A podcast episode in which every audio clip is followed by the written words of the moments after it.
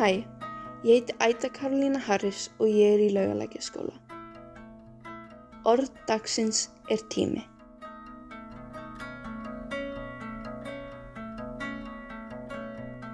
Tími er dýrmætur.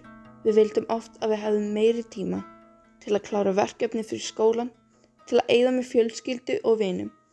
Meiri tími áður en maður fer að sofa á kveldin og síðan til að vakna næsta morgun. Þrátt fyrir þetta er það hegðun okkar sem er að stytta þann tíma sem vistkerfi okkar getur lifað af á þessari jörðu.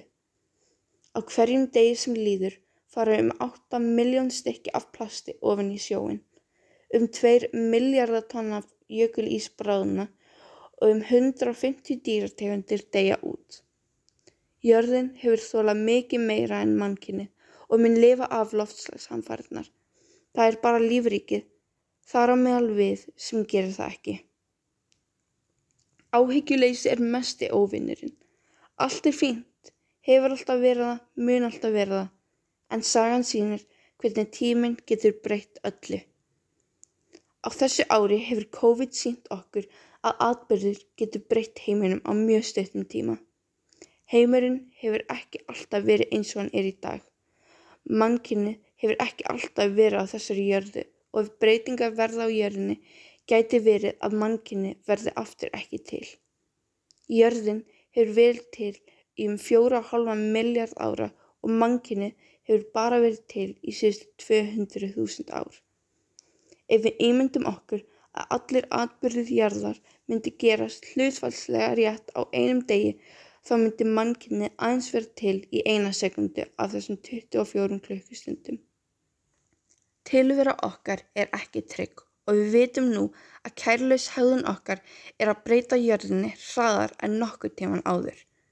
Mengun, hlýnin jarðar, bránin jökulís, hækkun sjávarmáls og fleiri náttúruhamfarir. Þetta eru allt afleðingar af hegðun okkar og nú höfum við byrjað niðurtalningu sem leiðir að lokum að útdauða. Tíminn er að renna út og við þurfum að gera allt sem hægt er til að stöðva niðurtalninguna. Ef okkur finnst við eiga að geta að lifa áfram á þessari fallegu jörð verðum við að gera eitthvað í því. Kanski vil ég ekki hlusta á mig vegna þess að ég er bara barn. Vegna þess að sumum finnst mín 15 ár á þessari jörð ekki verðskulda aðtekli ykkar. Ef ykkur finnst 15 ár vera stuttur tími í hjöð þá staðrind að við höfum nú aðeins níu ár til að leysa stærsta vandamál sem mannkynið hefur staðið frammi fyrir. Þið verðið að hlusta á mig og öll hinn börnin sem eru að segja ykkur að tíminn er að ranna út.